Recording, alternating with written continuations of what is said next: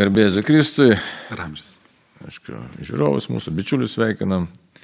Vėl šnekame su gerbiamu profesoriu, profesoriumi Andriumi Matsu, reanimatologas, anesteziologas, kas dar ten, mokslo daktaras, docentas, kaip ten tu ten. Ai, tiesiog dėstytojas. Nu, tai reikia, reikia, reikia, pau. Gauni tos laipsnius, bet gali ir netekti, jeigu kažką netaip darysi. Mokslo daktaro laipsnio ne, ne, nieks netims. Retai kada. Nu, jau tai kažką prisidirbs. Neįmanoma. Ar šiais laikais niekada nežinai, ateina tokias, tokias laikmetis, matysim. Gerai, žodžiu, e, mūsų mintis būtų pakalbėti iš tikrųjų apie, e, tokią, apie vertybinį gyvenimą šiandien, ne, apie vertybės. Vertybių būna įvairių, e, pats tokį tikrai dirbat darbą, tokį, nu, jau reanimatologų, to Kau- Kauno klinikų, Kauno klinikų, centrinis, Aš dirbu Kauno kliniko anesteziologijos klinikoje ir kardiologijos intensyvios terapijos. ai, kardiologų. Jo. Nu. Taigi tas žmonių gelbėjimas kasdienybė yra, rūpestis žmogumi, tai, va, tai toks yra tikrai nu, prasmingas, gražus darbas išgelbėti žmogaus gyvybę, tai gyvybė suteikti tokį antrą, net galim sakyti antrą kvepavimą, kad galėtų žmogus vėl, tiesiog, nu, jeigu patekai reanimaciją, tai reikia manyti, kad jau kažkur tai buvai nu, ant ribos. Ant ribos, taip. Taip. Kaip Karlas Raneris sakė, reiškia, kas yra tikrai tas mistinis gyvenimas. Aš labai įdomu jis jo vertinimas. Tai tada, kai tu atsiduri ant ribinės situacijos, ribinės situacijos išgyvenime, aiškiai, nes mes dažnai kalbam, kad štai mistika, tai čia kažkoks tai ten vizijos ar panašiai, ar panašiai. Iš tikrųjų tai ne. Kai tu, būdamas ribiniai situacijai, neprarandi vilties ir ta viltis tavo yra Dievoje. O kad taip galėtume gyventi, turėti viltį Dievuje e, visą laiką ir ribiniai situacijai, tai tam reikia, manau, tiesiog tam tikro angažuoto gyvenimo. Ta prasme, kad tas gyvenimas turi na, vystytis pagal tam tikrus dėsnius, pagal tam tikrus pasirinkimus ir tai dar nesitikras, nes, sakykime, imkime paštlų pavyzdį, sakysim, tai buvo 12 paštlų, vienas judas vis tiek pasidarė, atsi, taip pasidarė, sako, nu, atsitiko taip su juo. Tai, va. tai kad tam tikros gyvenimiškos vertybinės krypties reikia. Tai dabar matom, kad mūsų visuomenė tokia pakankamai, na, vertybiškai pasiklydusi, galim šitaip sakyti. Pasiklydusi. Ir vienas iš tų pasiklydimo tokių elementų yra, kad jau nebesusigaudo žmonės, nors labai nori laimės, tikrai nori laimės. Aš taip, pavyzdžiui, tikrai, jūs ge- šitą gelbėt žmonės reanimacijai, nu, čia bažnyčia kita reanimacija, tada tokia dvasinė reanimacija, iš tikrųjų, nes kiek praeina žmonių su skirybom, e, kiek, tai reiškia, sudužusių meilė, sudu- sudužusių širdžių, neišsipildžiusių lūkesčių, nelaimingi tėvai, nelaimingi vaikai, nelaimingi anūkai. Tai aš kartais tiesiog jaučiuosi, nu, tikrai pavargęs. Rimtai sakau. Šiam reanimacijos kartais reikia nežinau kokios. Nes kaip aš kartais įvardinu, kad toks negaros krioklys Slenka. slenka, jis tave slegia ir, ir tų nelaimingų žmonių, nežinau, ar man čia toks vaizdas, bet jų nemažėja. Ir ypatingai, kas mane liūdina, jeigu taip sakyti, tikrai liūdina, nes dėl ko taip kalbu, net liūdina, kad, sakysim, 8, 9, 11, 12 metų vaikai nenori gyventi. Įsivaizduot. Yra bandymo net žudytis. Tai va. Taip, nes eradikuojame latiniškai, tai lietuviškai šaliname iš savo šeimų, iš savo aplinkos Dievą, šaliname kažkokį tai tikėjimą e, kuriejų, na ir turime tuštumą šeimose, aplinkoje ir visur kame. Tai dabar jūs, e, sakysime, galėtumėt na, pasidalinti mintimis būtent apie vieną tokią kritinę situaciją, apie krizę, vertybinį sutrikimą, sakytume, apie šeimos sampratą šiandieninį, kaip jūs matote, nes jo lab, kad kaip, kokią šeimą turit, kiek tų vaikų. Na, turiu šitam pasaulyje šioje žemėje šešis vaikus. Vienas buvo septintasis Benjaminas per mažas šiam pasauliu, bet tikrai labai džiaugiuosi, kad tokią galimybę Dievas davė. Žmona tokia ir kantrė ir, na, nepaisant tikrai šeimuose, kiekvienasgi patiriam išbandymų ir labai didelių išbandymų. Ir jeigu turbūt paimtumėm kiekvieną mūsų patirtį, tai, žinot, e, šeima yra nelengvas pasivaikščiojimas. Ne dėl to, kad ten kažkur nesutari, gali puikiai sutart, bet tenka auginti vaikus, ypač šiam pasaulyje, kur labai sunku sudėti tos orientyrus. Norisi sudėti labai aiškius orientyrus, bet pasaulis ką sako visai kitas, kam to reikia. Ir mes turime tikrai labai sunku periodą, manau, kad ypatingai sunku šeimom, manau, kad tai yra tikrai kertinė lastelė visuomenės, kur ne tik gimsta auga žmogus, bet jisai bręsta dvasiškai. Ir tas dabar laikinama, norima padaryti, aš nenoriu kalbėti klišėmis, naikinama, bet žiūrėkit, ką norima transformuoti. Norima sukurti sterilės, sterilius dirbtinius konstruktus, kurie net ir kaip tu ten dirbtiniai juos darysi nesteriliais, bet tai vis tiek bus saulėlydžio šeimos, e, jos nesivadins šeimomis. Tai va tas išbandymas šeimom per viską, pakeičiant jų sampratą, pakeičiant, kad šeima yra ne vyro ir moters e, sąjunga, na, pakeičiant, kad vaikai nepriklauso tėvam, be abejo, jie priklauso Dievui, bet priklauso valstybei, nu tasgi daroma dabar. Bet tai mes jau tą išgyvenom. Bolševikmetis, tai aiškiai, tą labai aiškiai darė, aiškiai norėjo padaryti, internatų buvo pristeigta. Bet kunigė Arnoldai, bolševikmetį išgyvenom, bet marksizmas nesibaigė su vėjeliu atkeliauja. Ir jeigu mes pakalbėtumėm, čia labai įdomios temos apie e, užsienio universitetuose klestinti marksizmą ir naikinamą Dievą. Tiesiog naikinamą. Jau net nekalbam apie, apie krikščioniškas pasaulyje žiūrą, kuri tikrai su, su didžiuliu užsidegimu ir įtūžiu yra naikinama akademinėse bendruomenėse. Ačiū Dievui, Lietuvoje dar ne visur. Tikrai yra tų ramių vietų. Tai tas pats keliauja ir į šeimas. Bet labai keista, iš tikrųjų, labai keista, jeigu, sakysim, dažnai operuojama mokslo vardu visuomeniai. Ne? Ir jeigu taip sažiningai imto mokslo vardu, tai sakysim, naujausia psichologijos, psichoterapijos pasiekimai ką sako, kad net įdomi taip, aiškiai, vertinimai tokie, kad vaikas turi gimti šeimoje, jis turi būtinai turėti tėvą ir mamą, nes jam saugios meilės principas yra. Ir tos saugios meilės principas priklauso nuo, kad vaikas metus laiko, tai praktiškai iš vis turi būti visą laiką su mama, iki septynių metų jis turėtų būti namuose. Net, net ne darželėje. Tuo tarpu, kas metam valstybėse, pasakykim, Prancūzija, Vokietija, ten tos vaikus grūda į tas viešas mokyklas turbūt nuo 3, 4 ir 5 metų, ne, ten kuo daugiau informacijos. Na ir kaip sakot, ir dabar tokie konstruktai ateina, kad štai čia kuo mažiau tų vaikų būtų, nereikia vaikų, santokos sakramento nereikia, šeima gali tokia kažkokia labili sistema. Tai žodžiu, vienalytė šeima, žodžiu, iškai, tai, kas mokslo patvirtinta, jeigu imkim net, nu, e, didžiausias pavardės, sakysim, tiesiog galėtume sakyti psichoterapijos, psichologijos korifėjus, tai tikrai pasakys, kad reikia tėvo ir mamos ir e, mama atstovauja tą saugią meilę ir jeigu net meilė nesaugi, tai yra mama, pavyzdžiui, jeigu tai tokia nestabili isteriška asmenybė, tai vaikas iš, į gyvenimą išeina nesaugus, reiškia tėvas vėl, tėvo socializuojanti meilė. Tai va, tai dabar, aiškiai, jeigu kalbėtų mokslo kalba, tai turėtų priimti juk šitą tą mūsų visuomenę, kas tai šitaip yra. Jo, labai norėtųsi, oponentai visada ras, kad yra ir kitokių mokslo įrodymų. Žinot, mokslo labai mėgstama, kaip čia manipuliuoti, nes e, tos didžiosios studijos, kurios galbūt parodo tam tikrus faktus, kartais jos nuslepiamos, kartais ištraukiamos E, turbūt ne metod, metodologiškai prastos studijos arba netgi falsifikuotos, galima tą padaryti. Ir e, tuo mokslu yra manipuliuojama ir kiekviena vat, oponuojanti pusė randa kažkokiu tai argumentų, bet neina jų pramušti, nes yra tokia laikysena. Iš tiesų reikia pripažinti, kad šeima, vaikų gimimas šeimoje, tikrai, nu, jis yra tikrai puolamas. Ir čia, na, kam kam, bet turbūt jums, Arnoldai, puikiai žinoma, kas tas pagrindinis polėjas ir, ir tikras e, veikėjas, jogi tikslas yra patvarkyti e, šeimą, ją, na, turiu panaudoti tą žodį, ją iškastruoti realiai, kad jinai taptų sausa, nevaisinga, žūstanti ir priversti žmogų tai pripratinti prie kažkokio kelionių, kažkokiu tai malonumų, kad vaikas, nu žinot, su septyniais, šešiais vaikais nepaskraidysi nei į Braziliją, nei į Makčių Pikčių ir kažkur pasivaikščiat.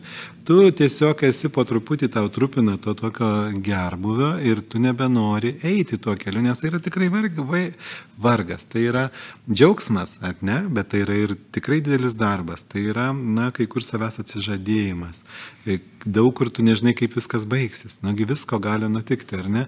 Gali būti ir daug skausmo. Bet vis tiek, jeigu tu tiki, tave tas neša, tu turi to džiaugsmo. Bet nepaslaptis, kad žmonės bando veikti, jos bando sterilizuoti, nuspausti ir tada kyla klausimas, kas bus po to? Kas šitose žemėse, derlingose, gražiuose Alpėse, Prancūzijos Alpėse, Šveicarijos gyvens? Gyvens tos tautos, kurios e, negreuna šeimos instituto ar negreuna šeimos sampratos ir jūs pasižiūrėti, užtenka tik pasižiūrėti rytų šalis, tai ten skaičiai yra visai kitokie. Bet ir ne tik tas motyvas, ne, kad čia kas čia gyvens, bet dar ir gilesnis motyvas yra prasmės, o ne motyvas, aišku, gyvenimo prasmės. Jo, bet jeigu taip paimti, jau labai pakalbėčiau turbūt bjauriai, kad žmogų paimti kaip biologinę rūšį, nu kokia čia problema? Jeigu rūšis išsigims, tai jinai sterilizuojasi, tai arba užeina kitos gentys, arba, ta, arba tiesiog jinai išnyksta kaip nesėkmė, nu, tai prastos, paprastos biologijos prasme tiesiog susinaikina. Nu, tai bet čia toks būtų, nu, logiškai kylantis klausimas, nesinori net jau užduoti, iš tikrųjų, bet sunkus klausimas, tai kam gali kilti šita luciferiška idėja naikinti šeimą vakaruose? Na, tai turbūt vis tiek vakarai susiję su krikščioniška pasaulyje. Ir aš vis tiek galvoju, kad čia pagrindinis oponentas yra ne iš šio žemės, kuris veikia ir turi pagrindinį tikslą įrodyti, kad, na, turbūt įrodyti Dievui, kad jis suklydo, duodama žmogui laisvę. Ir, ir protą. Taip. E, toks, vat, piktas nevilties noras, kuris, kuris neapleidžia ir žmogus nesuprasdamas tam pasiduoda. Deja, taip yra. Ir suprantat, visi tie džiaugsmai, kuriuos dabar siūlo žmogui, šeimos žmonėms, visos galimybės, jos tikrai yra įspūdingos. Bet ką vat, mes jaučiame? Mes jaučiame medicinoje, tą jaučiame savo gyvenimuose. Gauni naują mašiną, jinai už savaitės nedžiugina gauni naują būtą, gauni naujų rūpešių krūvą. Ir tie nebedžiugina. Ir mes matom krūvą žmonių, pasaulis, viskas nuliūdęs. nuliūdęs. Viską gauni ir nedžiugina, gauni ir nedžiugina. Žinot, yra toksai net anegdotas apie knysliuką, kuris, na, eina į stiliaus parduotuvę apsipirkti, gauna balionėlį, po savaitės atneša, sako, gražinu balionėlį. Sako, kodėl tu gražini balionėlį? Sako, todėl, kad jo dar klausia, gal spalva negera. Gera ta spalva, sako, tai gal dydis per mažas. Nu geras tas dydis, tai gal sako, tas e, šniurelis per trumpas. Geras tas šniurelis, tai sako, kas yra? Nedžiugina. Mm. Suprantat, žmonės nebedžiugina niekas. O nedžiugina kodėl?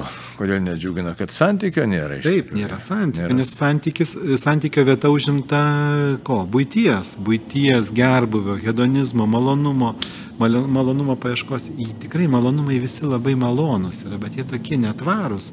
Ir kas baisiausia, arba liūdniausia, arba fenomenaliausia, pripažinti, kad tu e, gauni kažkokią tuštumą iš tų malonumų.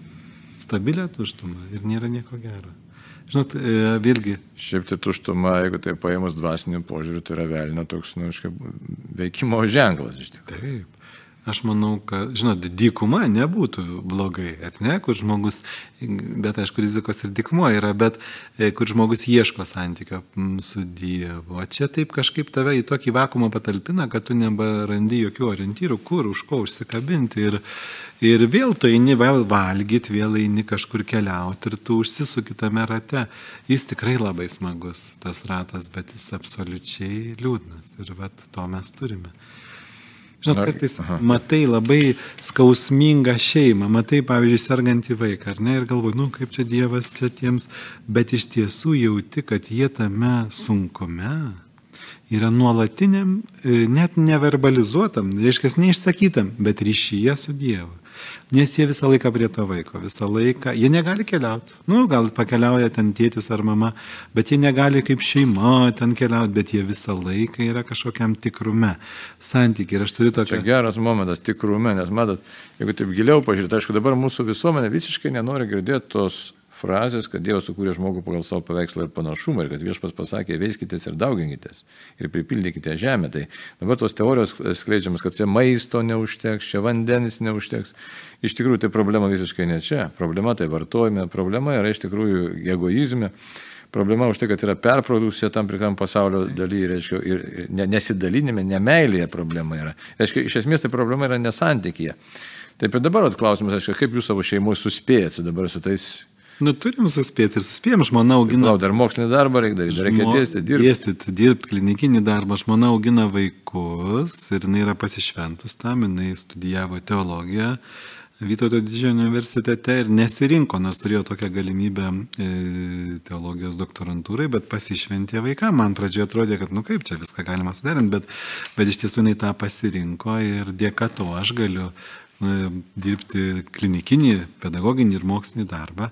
Ir, na, tikrai e, ta galimybė vis tiek yra. Vis tiek tu gali.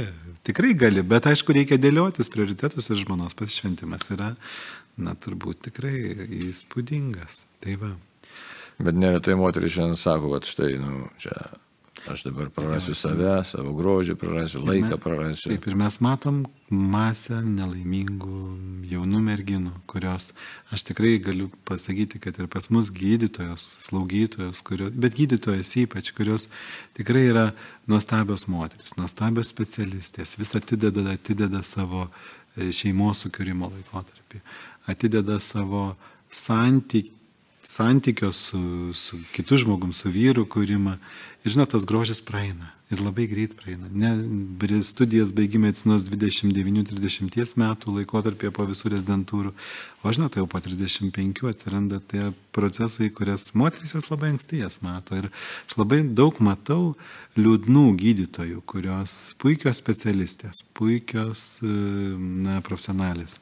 Bet, bet taip ir nelaimingos. Aš labai džiaugiuosi, kad slaugytojams geriau sekasi. Pas juos viskas aiškiau.